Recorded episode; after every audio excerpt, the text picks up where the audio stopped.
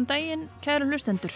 Samfélagið heilsar ykkur á uh, miðvíkudegi, fymtudegi fyrirgeðið, fymtudegi, fymta óttúber, við höfum að minna það. Guðmundur Pálsson og Arlindur Haldanudóttir eru umsunumenn í dag. Og það er ímyndilegt sem við ætlum að ræða þennan daginn, eins og alltaf. Svala Jóhannesdóttir, sérfræðingur í skadamingun, var meðal þeirra sem horfðu á einslag kveiks í sjómarpinu á þriðu dagimar um ópjóiðafaraldurinn á Íslandi og aðstæður fólks í mikilli neyslu. Við ræðum við svölu um stöðuna og þar sem henni finnst þurfa að breytast til þess að fólk eigi séns. Svo fjöldum við um moltugerð og tilraunaverkefna við um Reykjavíkuborgar en í framleiðslu eldhúsinu á Vitatorgi í miðborg Reykjavíkur, þar sem meðal annars eru þjónustu íbúður fyrir eldra fólk. Þar verða að framleiða moltu í sérstakri vél. En borgin er líka að framleiða moltu með fleiri sveitafjölugum í stórum stíl upp á Álsne Álsnesi. Við ræðum við Eyjólf Einar Eliasson, matreyslumann og forstuðumann eldhúsins á Vitatorgi og svo Gunnar Dovra Ólafsson, samskiptastjóra hjá Sorpu. Við fáum svo pistil frá Stefánu Gíslasinni, umhverju stjórnunafræðingi í lok þáttar, en byrjum á skadamingun.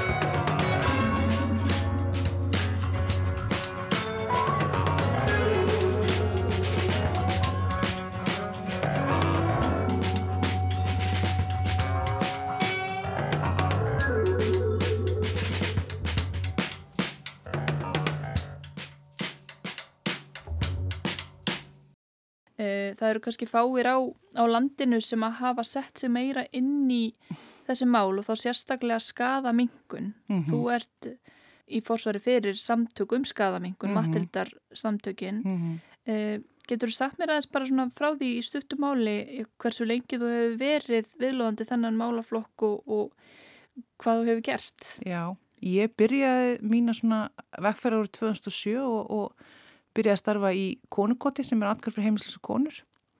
Uh, við innleitum þar skadamingandi nálgun og nálskipti þjónst árið 2010.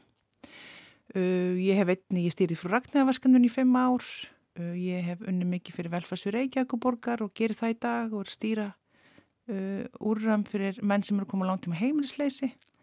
Og síðan í fyrra þá stopnaði ég á samt tveimur öðrum, Elín og Sigrunu, Matildi samtöku skadamingun og við höfum verið svona að leggja áherslu á framgang skadamingunar á Íslandi og bæði svona að það þurfa að koma inn með eh, fleiri úrræði og það þurfa líka á sama tíma að huga mannirtindi hópsins e, og þar hef ég verið að sinna svona hlutverki sem sé frængur skadamingun og einni er ég tengilegur Íslands fyrir Evrósku skadamingunarsamlingin þannig að ég hef mikið farið erlendis og skoða úrræði og, og svona þekki stöðuna og þróununa bæði í Evrópu og á Vesturlöndum. Og staðan hérna, er hún sveipuð og gerist annar staðar? Sko, við erum náttúrulega, Ísland uh, er frekar aftalega þegar kemur á skadamingutu úrræðum að því að Ísland byrjaði svo sent að þróa og setja á lagina skadamingutu úrræði. Og fyrsta skadamingun úrræði var náttúrulega frú Ragnæðverkefni sem var sett á lagina 2009. Þannig að mjög stutt síðan. Uh, löndi kringum okkur hafa verið að sinna uh, þessum úrræðum í, í mun lengri tíma þannig að þau eru komin á svona þokkalega annan stað. Um, ég myndi segja sko ef við erum að björgu saman eins og við Nóri og Danmörk þá erum við frekar eftir á. Uh, og það er kannski helsta áskorun okkar á Íslandi er í rauninni sko að, að þróa viðhaldsmeðferðir út frá annars konar mótilum heldur en engangu et edrúmiðiðu læknisfræðilegu mótili uh, og við höfum til dæmis verið að, hérna, að horfa mikið til uh, Sviss uh, þau hafa náð sko gríðarlegum árangri í, í viðhaldsmeðferðum og það eru með fjölbreytta viðhaldsmeðferð og viðhaldsmeðferð viðkend viðhaldsmeðferð er í rauninni við ópjóðafíkt og það var einmitt í þættunum í gerð sem maður svona fann mest fyrir hvaða var mikil skortur á því hérlendis. En það var einmitt eitt sem ég tók eftir í þættunum Já. og bara í upphafi þáttarins þá var annar þessara manna sem að steg fram og kom í viðtal, mm. Davíð, mm. hann fer inn í apotek og sækir þar skamt af kontalgeni sem hann síðan notar til þess að spröyta sig. Mm -hmm. Er það ekki einhvers konar viðhaldsmeðferð án kröfu um etrumennsku? Jú, sko, hugtaki viðhaldsmeðferð er uh, sko læknisfræðilegt hugtak uh, þar sem það snýst um að, að fólk með alvarlegin ópjóðavanda eða annars konar výmöfnavanda fá í rauninu upp á skrifað örgara lif sem það er háð sem er þá kemur uh, og lifja fyr, fyrirtækjum í staðan þess að fólk þurfa að fara nú ólögulega markað. Um, Viðhalsmeðfyrir eru fjölbreyttar en þær eru uh, nær ofta skerðar í svo kvöldu svona kontróleru umhverf þannig að fólk kemur ákveðin stað og notar efni þar eða þá fær ákveðin að skamta með sér heim uh, eins og til dæmis þeir sem eru að nota súbóksson. Uh, það sem við sáum er í rauninni sko ekki formleg viðhalsmeðfyrir Íslandi og við höfum oft kallað þetta svona skadaminkandi livjameðfyrir. Það er í rauninni að það eru læknar, oft heimilislæknar einstaklingana uh, sem hafa góða insýn inn í výmöfnavanda einstaklingsins uh, og sjá að einstaklingun hefur uh, margóft reynt afvitrannir og výmöfnumeðferð og jafnvel hefðbunna viðhalsmeðferð með súbúksoni og það hefur ekki gengið eftir. Og þá höfum við vita því að læknar hafa verið að skrifa upp á lámarskamta af morfinni uh, skrifa það út og fólk þarf þá að fara á hverjum degi í aptek og sækja á morfínu sem það er háð. Þannig að þetta er ekki í rauninni sko hefðbundin viðhalsmeðfyr, viðurkendur viðhalsmeðfyr á Íslandi en þetta er svona ákveðin leið uh, lækna að koma á móts við þannig miklu alvarlega výmöfnavanda sem fólk er að klást við og í rauninu bara líta raunsættu stöðuna. Uh, við vissulega á Íslandi þurfum að fara að taka það skref að gera sko hafa fjölbrytari viðhalsmeðferðir og við þurfum að við þurfum að, hérna, að nýta reynsluna sem hefur eh, sínt sig annar staðar meðal annars í Sviss og í Hollandi og Noregi. Það sem þau hafa náð miklum árangri er að, er að virkilega mæta einstaklingum þar sem hann er stattur þannig að þegar einstaklingur er glíma mjög alvarlega ópjöðavanda að þá geti hann komið á ákveðin stað og óska eftir viðhalsmeðferð og þurfi ekki býða í marga mánuði eða fara í innlög til að komast á viðhalsmeðferð og það sem skiptir miklu máli þar er, er að einstaklingurinn eða sjúklingurinn hafi eitthvað um meðferðin að segja, hann getur valið hvaða lif hendunum í samráði við uh, sin lækna og hjú, hjúkunafræðing, hvort hann vilji súbóksón, methodón, morfín eða, eða heroin eins og er erlendis. Og fólk kemur þá á svona ákveðna heilbríðsmiðstöð og notar þá efni sér tvissar á dag og fær svo næturlif og þetta hefur sínt mjög mikinn árangur fyrir fólk með mjög alvarlegan ópjáðavanda og í þessu ferli að þá eru fólk að fá um, margs konar annars, annars konar þjónstu. Þegar að fólk fær lifin sem það er háð og notar það í svona venduð umhverju með fagfólki að þá nærða ákveðinu jafnvægi í sínu lífi. Uh, og þá myndast svigurum til þess að koma inn með annars konar uh, meðferðir eða stuðning. Og það sem er líka svo magna í svona meðferðum að ég hef skoðað nokkur svona fjölbrytta viðhalsmeðferður úti er að hluti af hópnum uh, næra komst í þá áttan fyrir aftur í skóla, fyrir aftur í vinnu og svo er alltaf ákveðin hluti sem ákveður að stíga út úr þessu og vill fara í výmöfna meðferð og losa sig við öll efnin. Og það er einmitt sko, þú talar um raunsægi og, og skadamingun og, og þessi nálgun byggir á hugmyndum um raunsægi að mm -hmm. það sé mhm. ekki hægt að gera þá kröfu að fólk verði bara edru og í svona þessi bindindis nálgun en uh, þegar þú talar um þetta fólk getur bara fengið heroín og morfín og allt þetta sko, og fólk hugsa bara ok, er það bara búið að gefast, gefast upp og er, er það í rauninni sko viður kenning á því að það sé bara í lægi að vera í neyslu eru, mm -hmm. þetta er þetta ástæðan fyrir að við erum ekki komin lengra í skadamingun, einhverju svona einhver pólitík og einhver, svona, einhver ótti við það að það sé bara verið að gefa þessu lausan taumin og einhvern veginn ég vel íta undir neyslu með þessum úrræðum. Einmitt. Eða er það bara fjárskorturinn? Sko ég held að það sé bæði. Ég held þetta að þetta er bæði sko er þetta svona uh, nýjar meðferir og úrræði á, á Íslandi og stjórnvöldir eru kannski ennþá að, að, að venjast við. En skada minkandi nálgun er sko viðkjönd aðferðfræði á alþjóðu vísu og er gaggrænt nálgun við výmöfna nótkun í samfélaginu. Þannig að við erum ekki að setja ykkur spurningamarki við hvort að við eigum að gera skadaminkunum ekki. Þetta er bara viðkjönd aðferðafræði. hins vegar er það alveg rétt hjá þér að ég held að, uh, að fólk sé ennþá svolítið að vennjast nálguninni og að, að, að skilja það að hún sé praktísk og, og að hún skilja árangri vegna þess að við verðum að einhvern veginn að horfast í augu við það að, að hverjum tíma í okkar samfélag eru ekki allir sem vilja hætta nótkun eða trista sér til þess. Og þar kemur skadamingun mjög sterkinn í. Uh, og þetta er í rauninni ansvar við uppgjöf. Við ætlum ekki að gefast upp að einstaklingnum þótt að hans er ekki komin á þann stað að trista sér til að hætta.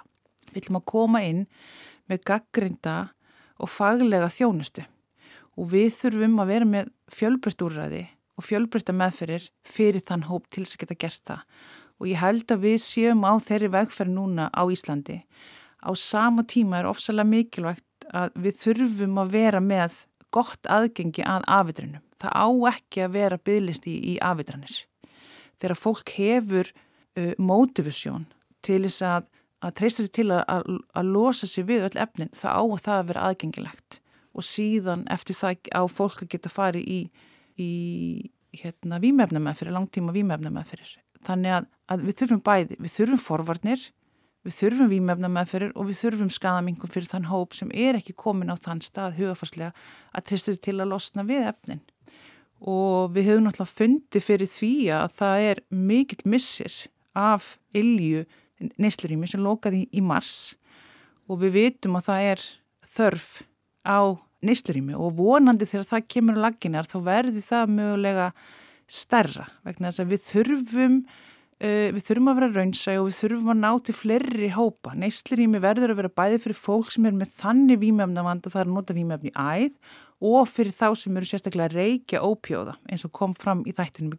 Það er gríðarlega mingil ofsköndunar á þetta. Það er líka ofsköndunar á þetta að vera reykja kókain og neyslurinmi uh, þurfa að vera fyrir uh, báða hópana. Og það að hafa, því að þetta er í rauninni svolítið harkalegt kerfi, þetta er ekki kerfi sem að grýpur fólk verist vera mm -hmm. þegar það þarf á því að halda og það í rauninni að, að hafa aðgengi að neyslurými, að Já. geta notað efnin við, við örugari aðstæður geta farið í, í meðferð um leið og bara mm -hmm. neistinn kviknar mm -hmm. Það myndir rauninni bæta og auka líkunar á því að fólk komist út úr þessu, það er ekki þannig að kerfið eins og er í dag, það sem er kannski meira líkar á því að fólk fari bara algjörlega á botnin Já. og það að fara á botnin og það einhvern veginn auki líkunar á því að fólk sjá í ljósið og, og hafi það Já. í sér að býða í margar vikur eftir meðferð og halda sér etru og Ég mitt. Þú ja. kannski heyri hvert ég er að fara með Já, það. Já, þetta er mjög svona hérna, svo, held ég svolítið sterk mýta á Íslandi að fólk þurfa að ná einhverjum svo kallum bort til sig að ná að spilna sér út úr því ástandi sem það er í. En, en allar ansóknir sína og, og að, hérna, að það er ekki tilneitt einhver ákveðin botn, heldur þetta bara huglegt mat hverju sinni og, og mjög persónlegt fyrir fólki hvað veldur því og það eru marga breytur sem hafa áhrif á það hversu líklegt að er að einstaklingur treystir sér til að taka þessi skref að fara, fara inn í afidranir og losa sér við efnin. Þannig að hérna fyrsta markmið skamingunar er alltaf bara aðstofa fólk við að halda lífi. Og, og það er þörf á því í dag því að eins og við sjáum já. 17 manneskjur sem hafa látist á þessu ári úr ópíða ofneslu Já og það er bara, og mest svo mikilvægt að fólk átti sig á því er að það er alltaf grunnmark með skamingunar. Við þurfum alltaf að byrja á því að vera með gaggrind yngripp í, í okkar samfélagi sem stöðla því og eigu líkunar því að fólk lifi eh, af á meðan það er að glýma við þennan mikla vanda og hafi þá mögulega tækifari setna mér til þess að komast í ákveði jafnvæg, annarkvort uh, með uh, góðri viðhaldsmeð fyrir stuðningi eða þá að fara inn í afitranir og výmefna meðfyrir. Það er annað við tölfræðin sem ég langar að nefna er að hún er rosalega mikið á reiki og ég held að það væri mjög mikilagt fyrir Ísland um, að samrýma tölfræðina og við séum að því að það sem hefur verið svolítið að gerast á þessu ári er að það koma, kemur tölfræði frá S.O.A. varandi döðsföll, það kemur tölfræði hjá frá landsbítalanum, svona áallar og líka frá lauruglunum og þær eru alla bara frekar ólíkar. Þannig að ég held að það væri mjög mikilvægt fyrir okkur að við þurfum að laga tölfræðina og við þurfum að vera með miklu meiri upplýsingaöflun varðandi stöðuna. Við verðum að hafa gögn og tölfræði til þess að geta vita hvað er valnægast til árangurs, hvað þurfum við að gera, er aukning eða er ekki aukning, hvaða markkópar í okkar samfélagi eru í mestri áhættu á ofskondunum og mögulega döðsvöllum um, eru úrræði, núvarandi úrræði að ná til þeirra hópa. Þú veist það er svo margt sem við þurfum að, að skoða í raun miklu betur og á sama tíma skiptir gríðarlega miklu máli að, að, að öll svona vinna og framgang og skamingun sé alltaf gerði í samstarfi við notendur og fólk með personlega reynsli. Þannig að það eru þessar viðhaldsmeðferðir, það er aðgangur að afeiturinn þegar fólk þarf að því að halda mm -hmm. og svo neyslu rými. Já. Uh, og þetta sko með neyslurímið það var þarna í, í starfrækt í bílnum á vegum Rauðakrossins uh, í heilt ár. Mm -hmm. þangatel í, í mars á þessu ári. Mm -hmm. og svo strandar þetta bara á húsnæðiskorti á því að fólk vil kannski ekki fá neyslurími við hliðina á, á íbúðunni sinni alls konar svona. Já, algjörlega. Og, og, og, og það er ekki einstæmi með neyslurími við höfum málaflokkun hefur oft lendt í uh, erfileikum með bæði að finna húsnaði og finna staðsynningu fyrir húsnaði uh, út af því að uh, hverfi hafa sett sér upp á móti því, fyrirtæki eigandur og nágrannar.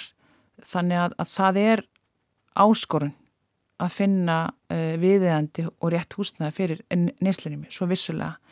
En við í, í matildarsamtökunum hefum alltaf talað því máli að það sé gríðarlega mikilvægt að um, að vera þá með einhvers konar bráð að byrja úrlust.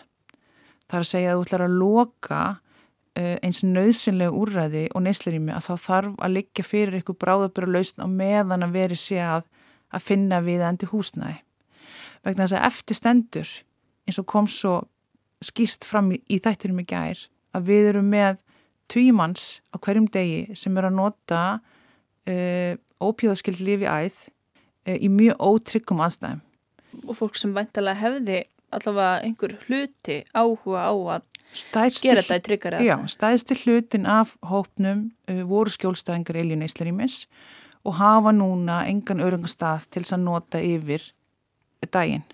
Þannig að það er gríðarlega mikilvægt að koma því á laginnar og eins og ég sagði áður að, að ég rauninni stækka hugmyndina um örugt nýslarimi og ná til þeirra sem eru að reykja ópjóða því að við sjáum það eru svona vísbyrningar um að, að uh, ákveðin hluti af þeim sem hafa látist á þessu ári hafa látist uh, vegna þess að þeir voru að reykja oxykontin og það er mikil áskontunar á þetta þar.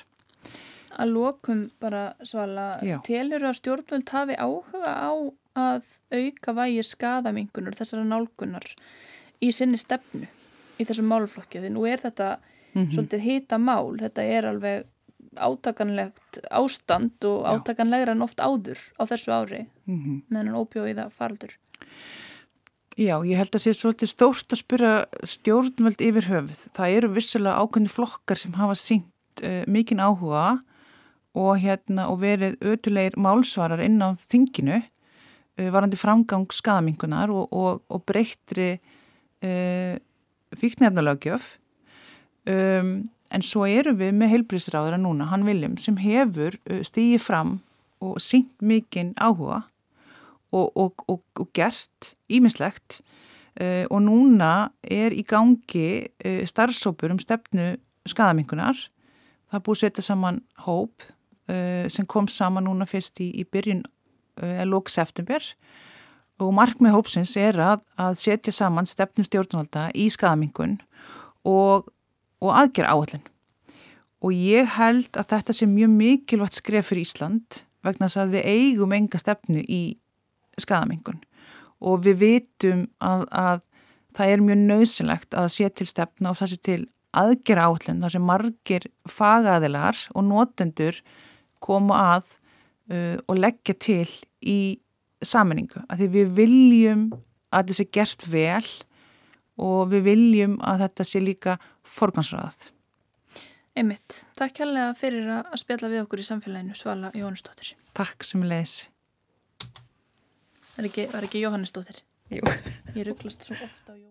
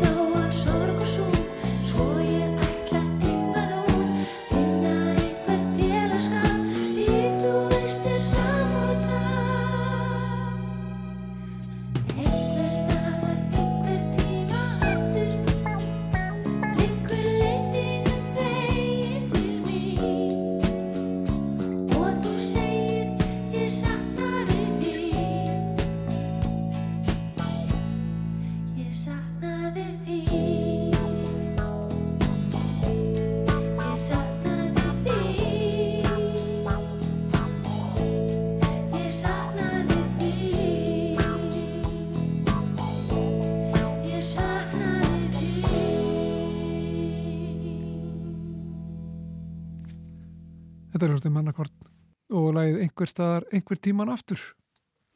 Og þá ætlum við að kynna okkur tilraunaverkefni í eins konar hraðmoltugerð í framleiðslu eldhúsinu á Vitatorki í Reykjavík. Við erum hérna stödd á Vitatorki. Ejjólfur heiti ég, ég er hérna fórstöðumæður í eldhúsinu og er lærðum allarsmaður. Já, og eldhúsið er hérna niðri og við ætlum að skoða svona nýjung, umhverfisvæna nýjung hjá ykkur. Þeir eru farin að vinna moltu úr afgöngum úr eldhúsinu. Já, það er rétt. Við byrjuðum á þessu núna fyrir hvaða þreymum mánuðum síðan og við erum svona vinna þetta með fyrirtæki sem heitir um, hérna, Pure North og sem sagt tökum alla mataráganga sem að falla til í eldusinu og það er svona í kringum 4% af okkar framlýslu sem að fellur til uh, sem gerir um það byrj 1000 kíló á mánuði og við umbreytum því í moltu uh, á, það tekur um það byl eitt sólarring að búa til moltu úr þeim matarafgöngum sem að falla til daglega. Ég hef ekki bara að kíkja á eldhúsöðars og svona fá tilfinningu fyrir því hvernig þetta er. Af þessu, já um það byl einu tónni á mánuði þá verða til um það byl 100 til 150 kíló á moltu sem, sem er svo nýtt inn í grasagarði til þess að, fyrir bara hér, Já. sem er nýtt inn í grasagarði til þess að efnabæta þá móltu sem að þeir eru að framleiða úr því sem fellur til hjá þeim. Eitthvað úr greinum og grassi sem þeir eru að slá. Það. Nú eru við komin inn í eldhúsi sjálf. Já, hérna erum við í afgjörðslinni. Matalyktin alveg tekur á móti manni. Hvað er að bóðstólum í dag? Uh, það er verið að elda fisk Við erum með stekta keilu í dag og síðan erum við með tómatsúpu með ekki. Já, er það vinsælt? Já, fiskur er alltaf vinsælt hjá okkur. Það er hérna svona eitt af því sem að bara, já, fólk kann mjög vel að meta. Stektu fiskur á pannu. Já, og hver eru það sem að borða hérna aðalega? Það er bara mjög fjölbreyttur hópur. Við erum með viðskiptavinni frá já bara ungu fólki alveg verið kannski 30 ára og svo bara upp úr þannig að þetta er, þetta er fólk á allum, öllum aldri með alls konar farfir og væntingar. Fólk sem að býr hérna í, í húsinu og, og fólk sem að kemur annar stáður að. Já, já og við erum að senda líka mat út um allan bæ. Við erum að senda í félagsbústöður og við erum að senda á heimili. Og við erum að senda líka í svona dagdeildir og já, bara mjög víða. Um alla borg og alla leið upp á kjallanis. Og hér eru við komið nýr í kjallara og hér blasir við þessi vél. Eins og, eins og svona, já, fristikista eða eitthvað? Með... Já, eins og svona stór fristikista og hún er ansið öflug, tekur, hún getur tekið 70 kíló af moltu á dag, eða ekki matarafgangu fyrir ekki þau, vinnur alla sólarhengin allan ásinsring uh, eh, og hún virkar þannig að hún hitar upp hráöfni sem fyrir hana uh, og hún vinnur með ákveðna gerla sem að gerir uh, þetta niðurbrót hraðara heldur en ella og það er náttúrulega mjög einstakta að geta gert fullkomna móltu á sólaring og hún virka þannig að hítin er til þess að gerildrepa allt sem fer í hana. Þegar við tæmum hana sem við gerum vikulega þá er moltan geril sneitt eða sem það er ekkert lífrænt sem að á að geta valdið ykkur musla og hún er bara tilbúið til nótkunar og já, það er svona það er alls ekkert vond lykt hérna. Ég minni bara svona helst á eitthvað sættur rúbröðu eða eitthvað. Já, það er svolítið, svolítið þannig. Sumir hafa tengt þetta við rúbröð, aðri hafa tengt þetta við kaffi. Já, bara kom mér á óvart þegar við byrjum að vinna með þetta. Ég held að þetta er miklu svona aggressívara og óþægilegra. Og við vorum svona með kannski einna mestar áhugjur að þetta erði ekki kannski svona bjóðandi að hafa þetta innandýra því við erum bara með þetta hérna innandýra í kjallaranum í húsinu og erum þetta með útblástur út. En, en hérna já, þetta bara hefur komið okkur skemmtilega óvart. Og eru þið svo að fara með þetta reglulega þá upp í Grasagarð? Já, við uh, svona miðum við að fara til þeirra á viku til tíu daga fresti. Og þeir taka við þessu þar og geima þetta og ætla svo að nota þetta á ymsan máta. Út í beð og, og á bletti. Hvað var til þess að þið fóruð í þetta fyrirkomulag? Hvaða fyrirkomulag voruð þið með áður? Áður fyrir vorum við að láta tæma hjá okkur uh, tvísverði viku. Þá kom hérna stórir trukkar frá, frá hérna sorphyrðu og viktuðu það sem þeir voru að taka reglulega og ástæðan fyrir því að við fórum í þetta það var bara að við erum að losa okkur jaft og þétt við mataráganguna, við losum okkur við á daglega þeir umbreytast í moltu. Við erum að uh, skapa ringrásakerfi innan borgarinnar með þessu, það sem við framleiðum fyrir annars þar í borgina í nýtingu. Og líka að við erum að lækka kólöfninsbor teljum okkur vera að gera það með þessu að við erum ekki að fá hérna þessu stóru trykka tvísvar í viku og allt sem við flytjum frá okkur fer á ramagsbílum til þeirra. Og e, eru þið þá búin að vinna einhverju svona greiningar eða e, svona einhverja, e, fengi einhverja ráðgjöf í tengslum við þetta? Við höfum gert aðeins með þeim þarna hjá Pure North þessi sem eru að, að leiði okkur veluna, við erum með veluna leigu þannig að, þannig að við ákveðum að gera þannig og ég held að það sé bara þannig viðskiptamótel sem að þeir eru með. En uh, hefur ekki staðið til bóða fyrir ykkur að taka þátt í þessari söfnun og við um sorpu? Þegar nú er farið að sapna lífrænum úrgangi frá öllum heimilum í borginni, það er ekki möguleiki fyrir ykkur? Það hefur ekki komið til tals til okkar allavega.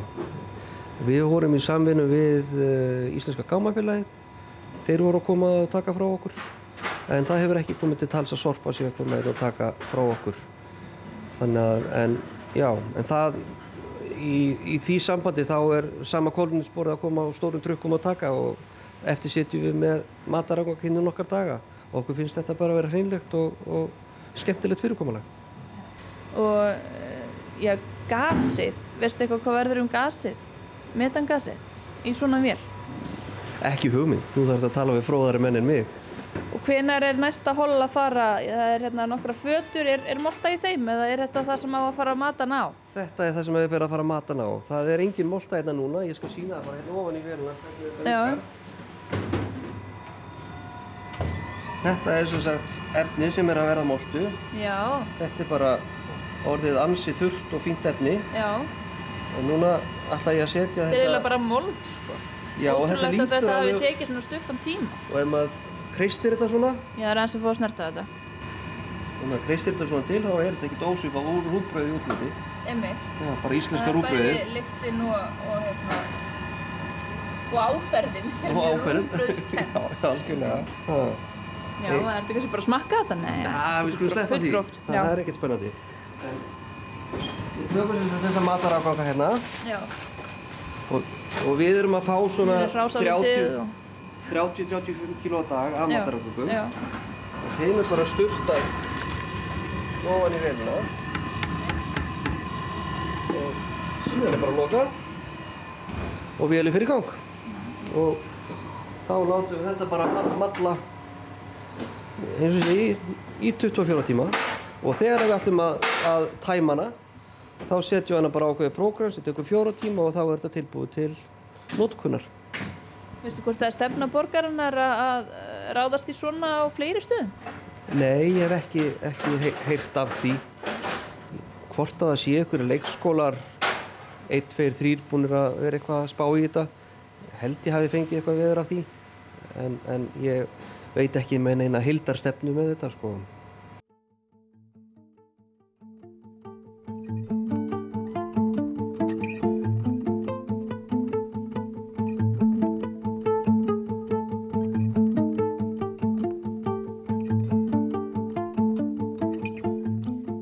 Var Eyjólfur Einar Eliasson, matreðslu maður á Vitatorki og ég heyrði í hyrti Þorbjörnsinni, fórstuðumann í Grasagarsinn sem að tekur við efninu frá Vitatorki, allir í moltunni.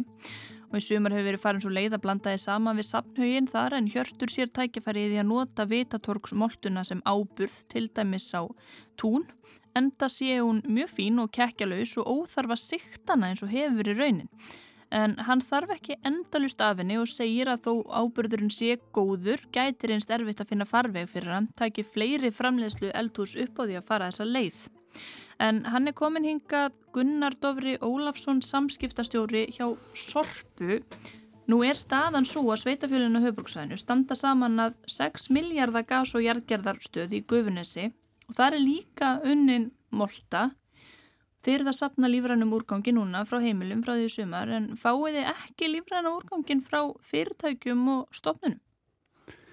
Það er rétt sem þú segir að, að Gaia, gas- og jærgerastöðin, hún er þarna upp í vissulega í álsnesi en, en hérna ekkert, mál að fara, fara nesjavilt, erum líka með starfseminn í Guðunissi og þar er einmitt þessi sennilega fullkomnasta jærgerðarvél á Íslandi. Og all, að minnstakosti svo stæsta og hún er í eigu sveitarfélagana á höfuborgarsvæðinu og getur afkastað, hann talaði um hvað tonn á mánuði, verð það ekki, það eru 12 á ári, Gaia getur 27.000 þannig að skalin þar er allt annar og það helst svolítið í hendur með svona, svona græjur eftir því, að, sem að það eru stærri þá eru þær betri og hagkvæmari.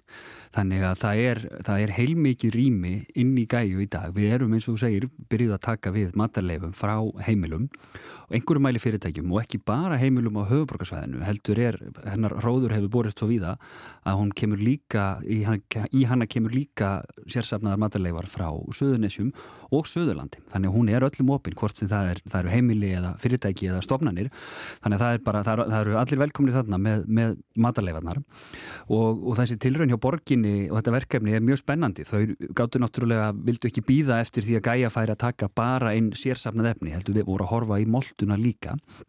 Gæja hefur ekki framleitt hreina moltu ennþá nema kannski einhverju, einhverju litlu leiti vegna þess að það sem að kemur inn í hana hefur verið óhreint það verða hins vegar þessi vatnaskil með sérsöfnunin, sérsöfnuninni í, í, hana á bara, bara koma matarleifar og það dróðast í tíðinda núna í byrjun þessa mánadar þegar við kerðum flokkunarlínuna í gufunesi í hinsta sinn, þannig að nú er ekki lengur blandaðatunnan eða gráatunnan eins og við köllum hana, hún er ekki lengur kerði gegnum færiband til þess að reyna að vinna matarleifanar úr, heldur er það bara, bara bakkað og verður sendt út núna til brennslu til að framleiða orku í Svíþjóð þannig að svona til að draga þetta saman það, það mega, allir sem mega matarleifar mega endilega koma með þær í gæju Og eru þið komin í full, já þú talar um að það sé mikið rými sko, mm -hmm. 27.000 tonn sem að hún getur tekið, hvað er hún að taka mikið núna með þessari sérsöfnun og lífrænum úrgangi á höfbruksæðinu?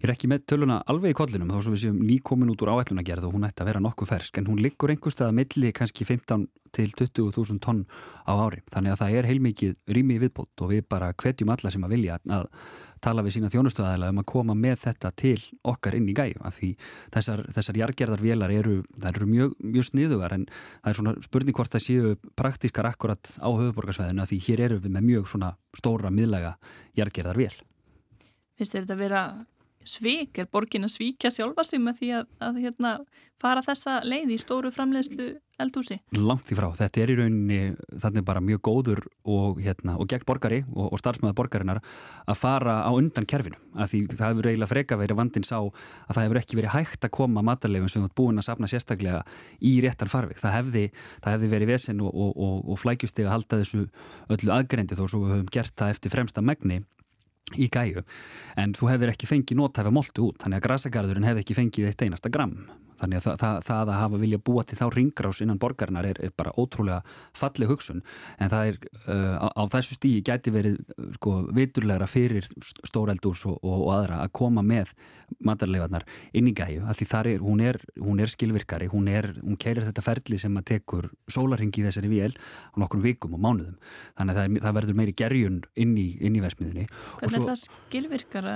Er ekki tíminn mikilvægur í þessu eða, eða er moltan betri ef hún verður til á lengri tíma? Niðurbróti verður meira, já. Þannig að hún er, hún er komið lengra í þróskunaferlilu og uh, gasið sapnast líka. Þa, það, það er engin gassöfnun þarna og, og það gas sem, a, sem verður til í gæju, það knýr til dæmis bílaflóta sortbyrðunar í Reykjavík. Og maður spyrir sko að mikilvægt þegar búið að stopna til svona mikillar fjárfestingar. Þetta kostiði rúma 6 miljard og hefur raunar í rauninni er fyrst núna nýtast algjörlega að því að moltan var eins og segir, hún var öll í plasti og ónótæf þannig að það væri svona kannski mitt gott fyrir ykkur núna að, að ná til fyrirtækjana og stopnarnana að þær komi efnin í þennan farveg líka bara til að nýta fjárfestingun. Ekki spurning. Eh, hvernig ætlaði að gera það? Því að hann talar um hann Eyjólfur sko það eru kannski ákveðnir hindranir. Hann nefnir þægindin við að vera með þessa vélmallandi og bara þessa fínur úbrúslikt og engin ólikt eins og kæmi kannski ef að matarafgengurum væri mm. sapnað upp og það væri verið að taka þá kannski vikulega. Og svo talar hann kannski líka um þessi sorpir fyrirtæki. Og þau komið hérna á, á trukkum og sko, getur sorpir það borgarnar og, og sveitafélagan ekki bara uh, léttundir með fyrirtækjum og stofnum og sótt þetta sjálf til þeirra eins og, eins og til íbúana. Það þarf, þarf þessa milliliði. Þannig ertu, ertu komin inn á, á jarðsprengisvæði hlutverka uh, sveitarfélagi og engaðila þannig að það er, það er, það er, um, það er bara, til dæla flókið, flókið umhverfið þegar kemur á úrgangsmálum uh, uh, og bara rétt, rétt að koma, koma því líka inn og Gæja hefur verið síðan hún var sett í gang fyrir þremur árum að draga úr losun gróður og svo loftegunda með því að melda þó þennan lífræna úrgang sem að kom til hennar. Þannig að hún er búin að vera í vinnu í núna þrjú ár. Uh, það er hins vegar uh, Sorpa svona, er í eðli sínu uh, hvað ég var að segja, hún er tilbaka þegar kemur á markasetningu við viljum ekki með virkum hætti stíga fram það sem engaðilar eru að aðtapna sig, því við erum ofnbært byggðarsamlag og, og það er, er, er lítill salur fyrir því að gera það. Hins vegar þegar sveitafélagin eru búin, búin að koma sér upp einhverjum svona, svona tilturlega stórum og miklum innviðum sem þarf að nýta. Það, það er kostnaðurinn af þessu verður hvort sem að, hvort sem að sko, tækin eru nýtið ekki. Þetta er fyrst og fremst bara fastur kostnaður sem að, sem að stafar af þessu. Þannig að það er, alveg að það er alveg ástæður til að kalla meira eftir því að þetta komi inn í gæju og við sjáum, eins og ég sagði áðan, við sjáum Suðunesin koma með einhver þúsund tonna á ári ef ég mann rétt og, og, og tvöfalt það frá Suðurlandinu. Þannig að það er, það er mikill markaður fyrir þessa versmiði.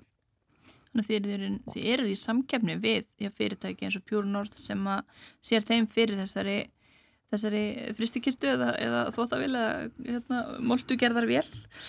Uh, já, það er samkefni á þessu markaðu þið kannski þó þið séu tilbaka já, þurfum kannski einhvern veginn að taka þátt í henni. Já, með óbeinum hætti vegna þess að sveitafélagin bera skildu til að meðhandla meir og minna allan úrgang sem að fellur til á þeirra starfsveði nema geislaverkan úrgang, ég fór og skoði lögin til að finna það, þannig ef einhver með þetta í huga að opna kjalanis á, nei hérna kjarnorku verið á kjalanisi þá er þetta ekki mitt vandamál. En, en allir innviðinir fyrir, fyrir eiginlega allt sem að sko sem þetta dettur í hug að, að henda þurfa að vera til í sveitafélaginu og fram að því að gæja var byggð það voru engir innviðir til að meðhandla matarleifar Þannig að sveitafélögin, þau, þau þurfa hvort sem, að, sko, hvort sem þið líkar þetta betur að vera að eiga eða hafa aðgang að innviðum til að geta leist þetta vandamál. Annars eru þau bara brotlegu í lögum meðhandlun úrgangs. Þannig að, að sveitafélagið þarf að, þarf að eiga hlutina en það er spurning má sveitafélagið reyna að fá fólk til að nota þá. Þannig að þetta er, þetta, ertu, þetta er, þetta er politísk spurning og hún er flókin.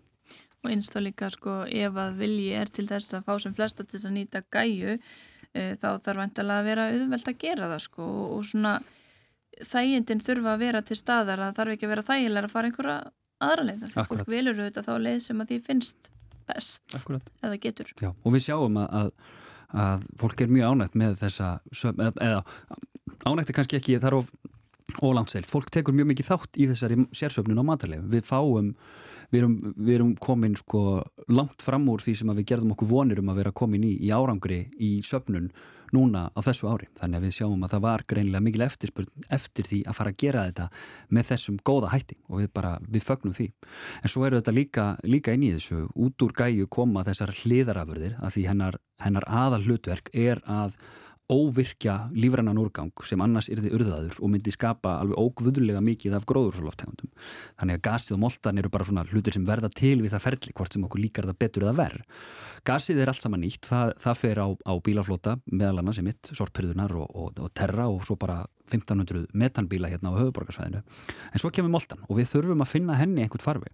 Og ein leið sem við sjáum til að, til að nota hanna er einmitt eins og er í grasagarðinum. Við viljum að sveitafélagin sem standaða sorpu taki, taki moltuna þegar það að kemur í, í mars, april, mæ eða hvenar sem það er sem að grænum fingurnir fara á stjá. Og eins gera bara íbúum á höfuborgarsvæðinu og þess vegna utan höfuborgarsvæðisins kleift að sækja sér moltu þegar það að kemur.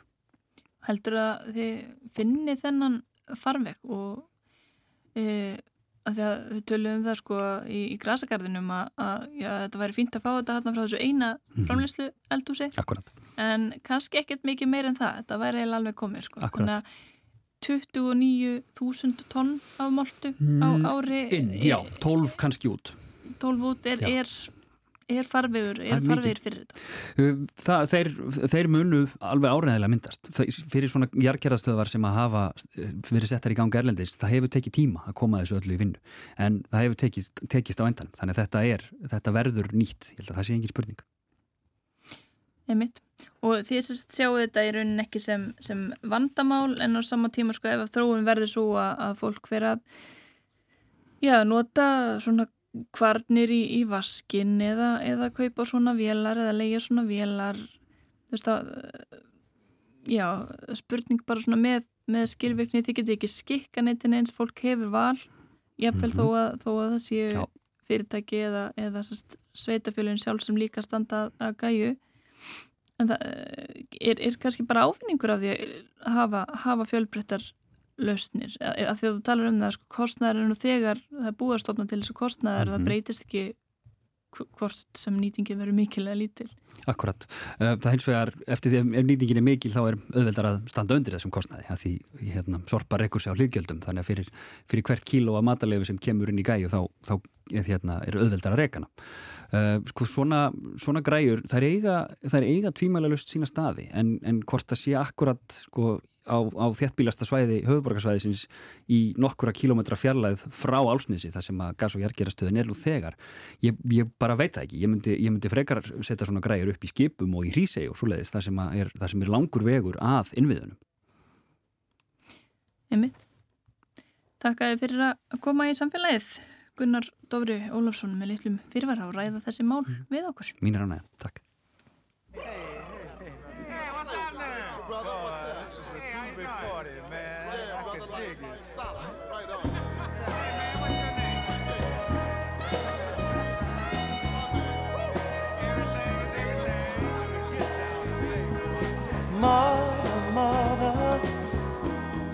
there's too many of you crying.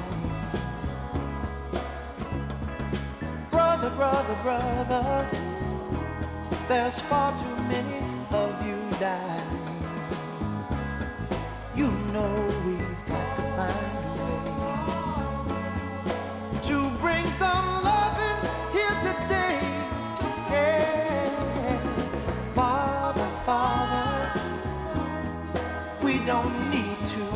escalate. You see, war is not the answer, for only love can conquer hate. You know we've got to find a way to bring some love in here today. Oh, picket line picket signs. Don't punish me with brutality. Talk to me so you can see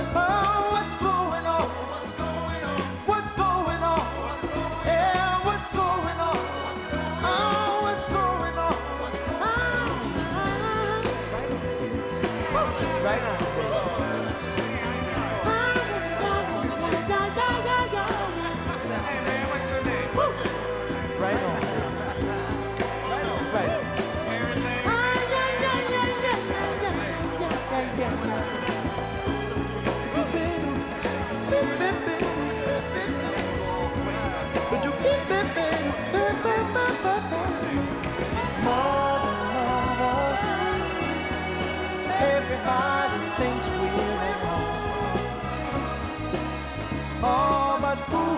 judge us? Simply cause our hair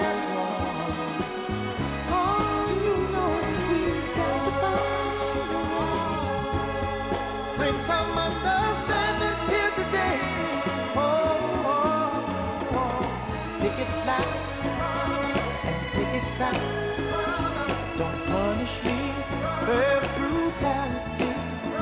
Come on, talk to me. You can see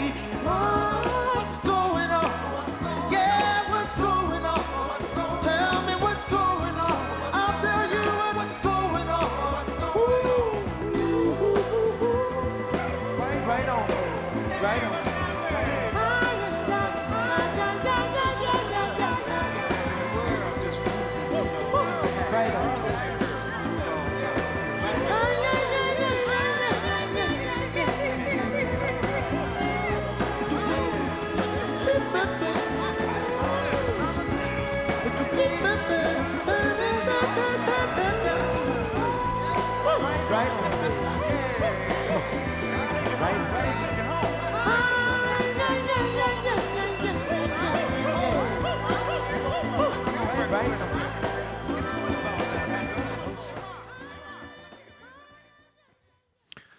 var Marvin Gaye og uh, frábært lag sem heitir What's Going On Hvað er í gangi? spyr Marvin Gaye en uh, við höfum eftir að heyra umhverfspistil frá Stefáni Gíslasinni heyrum hann hér eftir smástund en það voru að byrtast hér glóvolgar tölur uh, frá viðstofunni og það er það eru fréttir eða svona yfirlitt yfir tíðarfari september Við vorum nú að spjalla um daginn um, um tíðafar í sumar. Já, viðvaranirnar sem ekki dundu á okkur þetta sumar. Nei, það voru vonið fáar. Já, vonið fáar. Já. En, en nú er það hittastíð. Nú er það til dæmis hittastíð, sko, í september. Og segir hérna, hitti í september var nærri meðalagi áruna 1991 til 2020.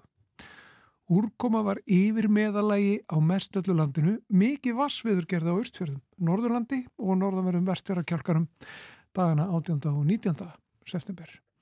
Og meðalhitti í Reykjavík í september var 8,6 stík það er 0,1 stík yfir meðalagi áruna 91-2020 en jæmt meðalagi síðustu 10 ára.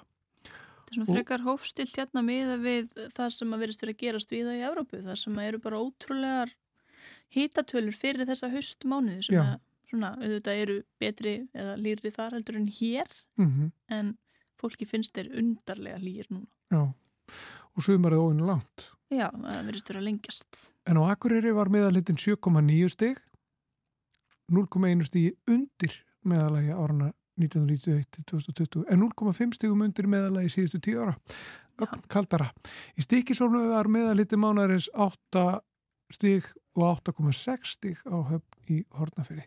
Og svo er hér afskaplega vel útvært tabla sem mm -hmm. maður mhm. getur skoðað og þetta er inn á veðurstofunar, veður.is og um að gera að skoða það hafa maður áhuga, áhuga á tíðarfæri í september Já, Tegarhorni, Stórhauða og fleiri stöðum Grímsei En Stefan Gíslason hann vil koma stað með sinn reglulega pistil Á síðustu misserum hafa lofslagsmál orði sífælt meira áberandi almennri umræðu enda að flestra mati stærsta sameiglega viðfónsefni sem mannkynni hefur nokkuð tíma þurft að fást við. Lofslagsmáli sem slík eru reyndar síður en svo nýja nálinni enda eru liðin meir en 150 ár síðan vísindamenn áttuðu sér fyrst á að mannkynni geti hugsanlega haft áhrif á lofslaðið. En vegna þess hversu stuttur tímir liðin síðan umræðan komst virkilega upp á yfirborðið er ekki að undra þótt fólki gangi misvel að átta sig á hugtökum og orðum sem eru nótu í þessar umræðu.